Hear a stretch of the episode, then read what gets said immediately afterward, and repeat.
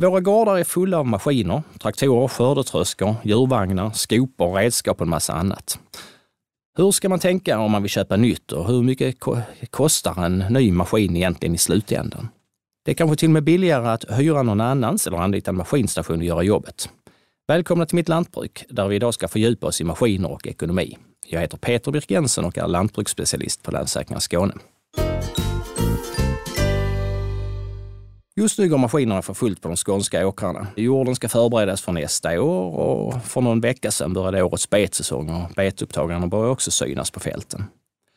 Med mig för att prata om lantbrukets maskiner är Johan Magnusson som äger och driver Flackarps maskinstation. Martin Stensson från Vasa Kredit som hjälper till med finansieringen av lantbruksmaskiner och Patrik Pettersson från HIR Skåne som, som är ex, expert på att göra kalkyler och för vad maskiner egentligen kostar. Välkomna allihopa! Hej, hej! Jag vänder mig till dig först Johan, eh, som står mitt i verksamheten. Vad är det för tjänster du erbjuder på just din maskinstation? Eh, vi har väl eh, det mesta inom lantbruket eh, erbjuder vi, men eh, man kan säga att det vi gör mest det är ju på betsidan och gödselsidan. Som på betsidan då sår vi betor, radrensar. Vi har en specialmaskin som kan putsa om man har lite otur med ogräs i betorna. Och sen då upptagning sen på hösten, så lite helhet i det. Och på gödselsidan så kör vi då med flytgödseltunna. Och sen har vi då fastgödselspridare som vi både kör gödsel och eh, kalk då med styrfiler och eh, vågceller på maskinerna. Men vi erbjuder även de andra tjänsterna som de flesta gårdarna behöver. Då har vi rätt så mycket, mycket maskiner på gården då som sådant så att, eh, och det måste byta löpande för att till att hålla en modern maskinpark jag mig till. Ja absolut, man försöker göra någonting hela tiden varje år så att inte allt kommer på en gång utan lite efterhand. Ehm, du håller på mycket med specialtjänster som ehm, jag förstod med betor och gödsel, gödselkörning. Är det det som efterfrågas mest eh, eller är det sånt som, eh, alltså mer rutinsysslor som plöjning som eh, också är, är vanligt? Alltså självklart så är det ju det som efterfrågas av oss är ju det specialmaskinerna som kanske är dyra och används kortare perioder så att därför är det bättre att hyra in den tjänsten än att köpa dyra maskiner själv. Vi gör även plöjning till vissa men ofta har lantbrukaren en plog själv så att då gör de de jobben. Är det många annars eh, som låter er sköta hela kedjan? Att ni sköter gården från, från sådd till plöjning och ökar det eller det är, eh, blir konstant? Ja, det är någon som gör. Än så länge är det inte, jag tror att det kanske blir en ökning men jag, för tillfället så hjälper vi någon på det viset. Men det är inte så många. Alltså, lantbrukaren vill, brukar vilja själv göra någonting i alla fall. Den känner sig delaktig i lantbruket. Eh, Patrik Pettersson från HIR Skåne, är Johans eh, firma en typisk skånsk maskinstation eller finns det eh, olika sorters verksamheter? Um, Johans maskinstation är ju ett exempel på en stor maskinstation. Ehm, men det är ju inte ovanligt i sig att våra lantbruksföretag idag har körslor utanför. Alltså att man kanske har en såmaskin eller spruta eller tröska eller att man pressat halm till grannar. Så att det är ganska ovanligt man inte hittar en resultaträkning utan någon form av intäkt i form av någon körsla. Hur ser det ut generellt? Eh, om vi nu ser, nu Johan kör ju ute mycket men har alltså, och behöver ha nya maskiner. Men har de skånska lantbrukarna för, för stor och dyr maskinpark? Det där är ju en jättefarlig fråga att svara på för en smålänning som bor i Skåne. Men eh, jag har tittat lite på statistiken från vår eh, kalkyltjänst som vi kör i hela Sverige där vi försöker räkna på maskiner på samma sätt. Och det är en liten tendens till att skåningarna har lite dyra maskinkostnader i spannmålsgrödorna. Men eh, det är, när jag tittar på hur mycket kapital vi binder per hektar så, så ligger skåningarna till och med kanske lite lägre. Så att det kan man nog inte säga rakt upp och ner så. Men, men det, det vi kan se är ju att maskinkostnaderna lätt varierar. Även om du tar bort för extremerna, de som ligger högt och de som ligger lågt, så, så kan det lätt variera 2000 kronor per hektar. Det är en stor peng det. Eh, och man kan säga sånt att en, kan det vara så att den skånska lantbrukaren generellt har fler hektar och på det sättet så han i normalfallet får en lägre maskinkostnad per hektar? Eh, kan man tänka så också? Um, ja, så är det. Alltså, när det gäller hektaren så det är lättare att ha en låg maskinkostnad på många, på många hektar. Man ska, det, det blir helt enkelt enklare, men, men det är inte samma sak som vi har ju många lantbrukare som har samma hektarkostnad på mycket lägre hektar. Men du måste ha något bättre, lätt, du måste ha ett mer management på lägre hektar än på högre.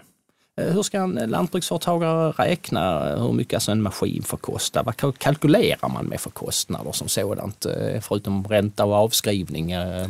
Alltså, här är ju huvudrådet att man räknar överhuvudtaget. För här tror jag ett stort problem att man inte riktigt räknar. En maskinkalkyl är ju aldrig exakt, utan det är en uppskattning. Men det är ju mycket bättre att räkna än bara gå på magkänsla.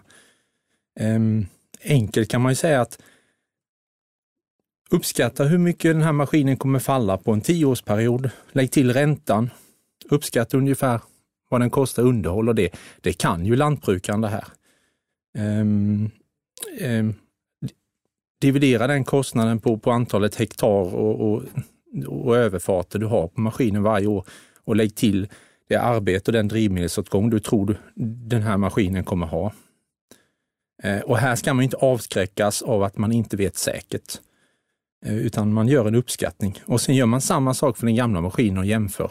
Och sen ringer man till, till Johan och frågar vad han tar för samma tjänst. Och sen har man ett jättebra underlag där att diskutera bättre att räkna även om det inte blir helt hundraprocentigt rätt än att inte räkna alls. Så enkelt är det ju egentligen. Ja.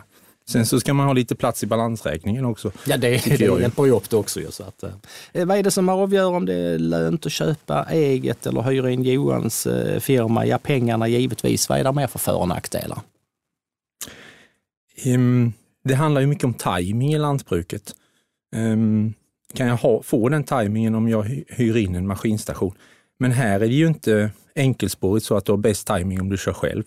Jag har ju sett exempel på när man tar in en mas duktig maskinstation som sköter sprutningarna bättre än vad bonden gör. Och mm, då får bonden sprutjournalen ifylld samtidigt. Så att eh, det handlar ju också om hur duktig maskinstationen är och hur, vilket bra jobb de gör. Ja, eh, definitivt. Eh, mm, är det någon gång du avråder dina kunder från att köpa, köpa nya maskiner? Ja, det är väl det vanliga svaret. um, tekniksprånget är ju, finns ju alltid i ny maskin. Men ny teknik kostar ju väldigt mycket pengar och, och den nya tekniken blir ju billigare och billigare när den blir begagnad. Så att eh, jag tillhör ju dem, nu är jag ju både ekonom och smålänning, men jag gillar ju begagnat. Um, men, men gör en kalkyl, även om det bara är på en servett, då får man se storheterna. Är det stora skillnad mellan en ny och en gammal, då är troligtvis den nya maskinen dyrare. Ja. Eh, om man nu går över till eh, hur man finansierar sin maskin, det handlar om stora summor. Eh, hur bör man se åt Mikael? Man, eh, man kan höra av sig till, till Vasa Kredit både om små och stora summor skulle jag vilja säga. Men eh, det absolut vanligaste är ju att bonden eller maskinstationen kontaktar eh, Vasa Kredit och vi gör ett förslag på finansiering eh, utifrån kundens behov och eh, avskrivningar och så vidare. Eh, och där har ju även oftast alla maskinhandlare ett förslag att erbjuda. Men de här förslagen brukar oftast vara ganska stelbenta och inte så stor möjlighet till variation i de förslagen.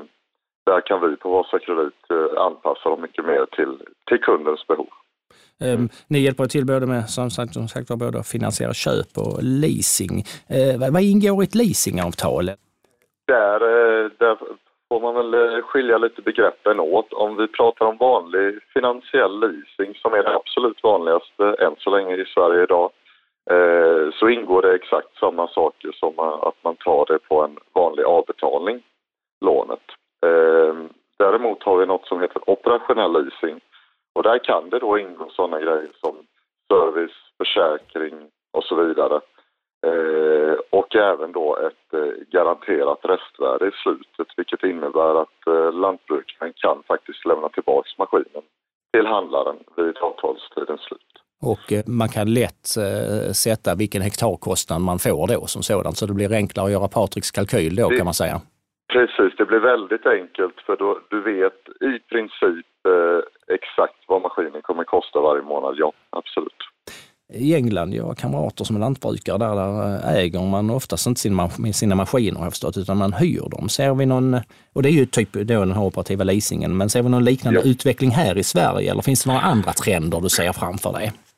Um, jag tycker inte vi ser någon tydlig trend idag i Sverige mot att gå mot det här upplägget som du beskriver som man kör väldigt mycket i England. Men man kan, man kan dra paralleller till en sån sak som privatleasing av bilar som idag har vuxit explosionsartat. Eh, för 20 år sedan så började man med privatleasing för bilar och det har tagit ungefär 18 år innan det där har satt sig i marknaden. Och jag skulle väl kunna tänka mig att det kan vara något likvärdigt för lantbruket men tidshorisonten vågar jag inte riktigt säga om. Eh, men absolut, jag är, jag är nästan säker på att vi kommer gå mot en större leasingandel även i Sverige. Ja, det är bara en mognadsprocess att hinna dit hen kan man säga. Det, precis, det är en mognadsprocess och eh, kanske en generationsfråga också. Ja, definitivt. Ja. Ehm, hur är det med begagnat? Ehm, är det en stor begagnat marknad du jobbar med eller det är mest mot, mot nya maskiner? Eh, för Vasas kreditdel så är det absolut en stor del den begagnade marknaden. Eh, som ni var inne på tidigare så är maskinerna väldigt dyra. Det finns en, en stor poäng i att, att köpa begagnat, eh, bättre begagnat kanske jag ska tillägga. Eh, och eh, Vasa kan även finansiera om en en enskild lantbrukare säljer till en annan lantbrukare. Även det köpet så kallat kan Vasa Kredit vara med och finansiera. Så där finns egentligen alla möjligheter på begagnatssidan. Patrik, eh, generationsfrågan att samäga och köpa begagnat i större, större grad, är det någonting man ska eh, tänka mer på eller? Eh? Mm, samägande är ju jättebra eh, när det fungerar. Eh, och det är ett bra sätt för, för mindre och medelstora gårdar att sänka sina maskin, maskinkostnader. Men det behöver ju inte nödvändigtvis vara ett samägande. Det kan ju vara så att eh, den ena grannen har tröskan och den andra har såmaskinen och så kör man hos varandra. Där har man ju alltid problem med avstämningen mellan varandra. Men där måste man ju ha ett synsätt där inte rättvisa är målet i sig, utan målet är ju att båda ska tjäna på det och då brukar det fungera.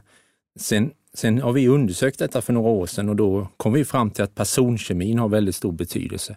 Så ett generellt råd att knacka på hos grannen och, och be om, om att samarbeta kanske inte är att ge, men, men man måste hitta de där mm, lantbrukarna som, som har ungefär samma syn på hur en maskin ska skötas som en själv. Ja, och att kunna ge och ta. Precis. Ha den inställningen att, att um, det som jag kanske ger ena året kan jag ta nästa år utan att, eh, eh ja det, det, det är jättesvårt givetvis eh, som sådant. Eh, hur ser du på eh, utvecklingen Johan? Hur tycker du marknaden har utvecklats under de åren du hållit på när det gäller ägandet på maskiner? Ja, svårt att säga. Alltså det, det jag märkt nu, alltså det har ju blivit otroligt mycket dyrare. Alltså priserna har ökat de sista tio åren otroligt på att köpa en traktor eller en maskin i, jämfört med vad det kostade då. Så att, eh, på det viset så tycker jag att eh, det känns som att fler vill ta in oss för att då kan vi få en större utnyttjandegrad på maskinerna. Så att, eh, så sätt skulle jag nog kunna säga att det har utökat. Ditt framgångsrecept, är det alltså brett utbud eller är det priset eller kunna leverera vid rätt tid? Idag är det, precis som ni sa här innan i programmet, att det är väldigt viktigt när man kommer och gör grejer idag Därför leverans för eh, rätt tid och hålla vad du säger. Säger du att du ska komma på tisdag klockan, alltså att man gör det. Sen kan allting hända, men att det är viktigt för den man gör jobbet till så han kan planera och göra i ordning fält eller så, så man kommer när man har sagt. Och sen då även att eh, personalen som kör, att de är kunniga och vet vad de gör för att de levererar ett bra jobb. Det tycker jag är väl så viktigt. Eh, vad säger du Patrik, kommer vi se fler maskinstationer och färre privatägda lantbruksmaskiner nu tror du?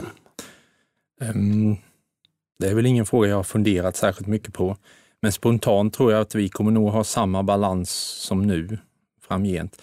Men här tror jag man ska fundera lite på, alltså jag tror vi står inför ett tekniksprång ganska snart. Eh, om 20 år åker vi med i våra traktorer då. Och, den tekniken vi har då, hur, hur dyr är den och, och vad är det för storleksfördelar i den? Det kommer ha jättestor betydelse i vilken mån eh, vi äger maskinerna själva eller om vi måste hyra in dem för att få eh, teknikfördelarna. Ehm, jag har någon gång tidigare i något program så har vi varit uppe och pratat om, om att man inte kan alltid tillgodogöra sig tekniken, men det blir ju allt viktigare att man verkligen utnyttjar tekniken som man har i sina maskiner och inte bara har den för syns skull. Vad säger du Johan? Eh, eh, tycker du ibland att tekniken blir för kluddig för dig eller för din personal? Jag tänker på GPS och självstyrningar och styrning av gödningsspridare och kantzoner och grejer. Alltså man är väldigt eh, uppbunden till det nu. Idag har man GPS på allt man kör med. Det är mer liksom om, om det är något som kluddar, alltså som strular, då blir det helt stillastående med hela maskinen liksom jämfört med innan. Så det kan vara lite lurigt ibland att eh, det måste fungera. Just det, och det ställer ju krav också på återförsäljarna att ha en bra serviceorganisation då. För tidigare kunde vi svetsa fast ett stag som hade gått av, men det går ju inte liksom på samma sätt idag. Ja, ja, nej, absolut. Men eh, sen är det ju stora fördelar. Jag menar som förr när man sådde betor utan GPS, då eh, var man helt spänd i kroppen och när man kom hem och hade försökt sitta och köra rakt. Men nu med GPSen så hela kroppen, så man mår ju mycket bättre som människa av eh, den här utrustningen nu när man jobbar. Man är avslappnad på ett annat vis. Fördelarna eh, överstiger nackdelarna med råge, så kan vi säga, även för komforten i hytten givetvis och allting annat. Ja, så. Eh, Johan, eh, vi sår på våren och vi sprutar på sommaren och vi skördar på hösten resten av året. Eh, har du någon sysselsättning då för att hålla rull på dina maskiner och få intäkter? Ja, det är väldigt lite eh, väderberoende kan man säga, men eh, vintertid så har vi ett antal maskiner som går på snöentreprenad, alltså både kör snö och saltning och den biten för att kunna hålla kvar folket året runt anställda här på gården. Och eh, just det med att hålla folket hela året, det är viktigt gissar jag till eftersom det känns som att det blir svårare och svårare att få tag i duktig personal som, som eh, stannar i lantbruket och inte går över till andra branscher. Eh, känner du att du, lyck men du lyckas på detta sättet hålla kvar din personal alltså? Ja, det kan man säga. De, det folket som jobbar, de vill ju ha jobb året runt, så det är både verkstadsarbete men då även snöröjning hjälper till att man kan ha dem hela året här. Det är inte varje år det snöar så mycket, men det ger ändå en inkomst så att man kan hålla kvar personalen. Ja, du har din beredskapsbetalning, om man ska säga, för att du står i standby om det skulle komma snö och det kan göra, hjälpa dig att hålla personalen igång hela året och inte bara byta harpinnar. Ja, precis. Helt klart. Helt rätt. Mm. Då säger jag tack till mina gäster, Mikael Stensson från Vasa Kredit, Johan Magnusson från Flackarps maskinstation och Patrik Pettersson från HIR Skåne. Tack så mycket för att ni var med mig här idag. Tack, tack. Tack så mycket. Jag vill påminna om höstens träffar om ägarskifte som Länsförsäkringar Skåne håller. Det är den 5 november i Ystad, den 6 november i Lund och den 7 november i Ängelholm. Mer information och anmälningsblankett hittar du på vår hemsida www.lansforsakringar.se skane event. Eh, och där kan du också anmäla dig senast den 1 november. Det var allt för Mitt Lantbruk för den här gången. Vill du lyssna på tidigare avsnitt så hittar du dem på www.lansforsakringar.se skane mittlantbruk eller där poddar finns. På återhörande!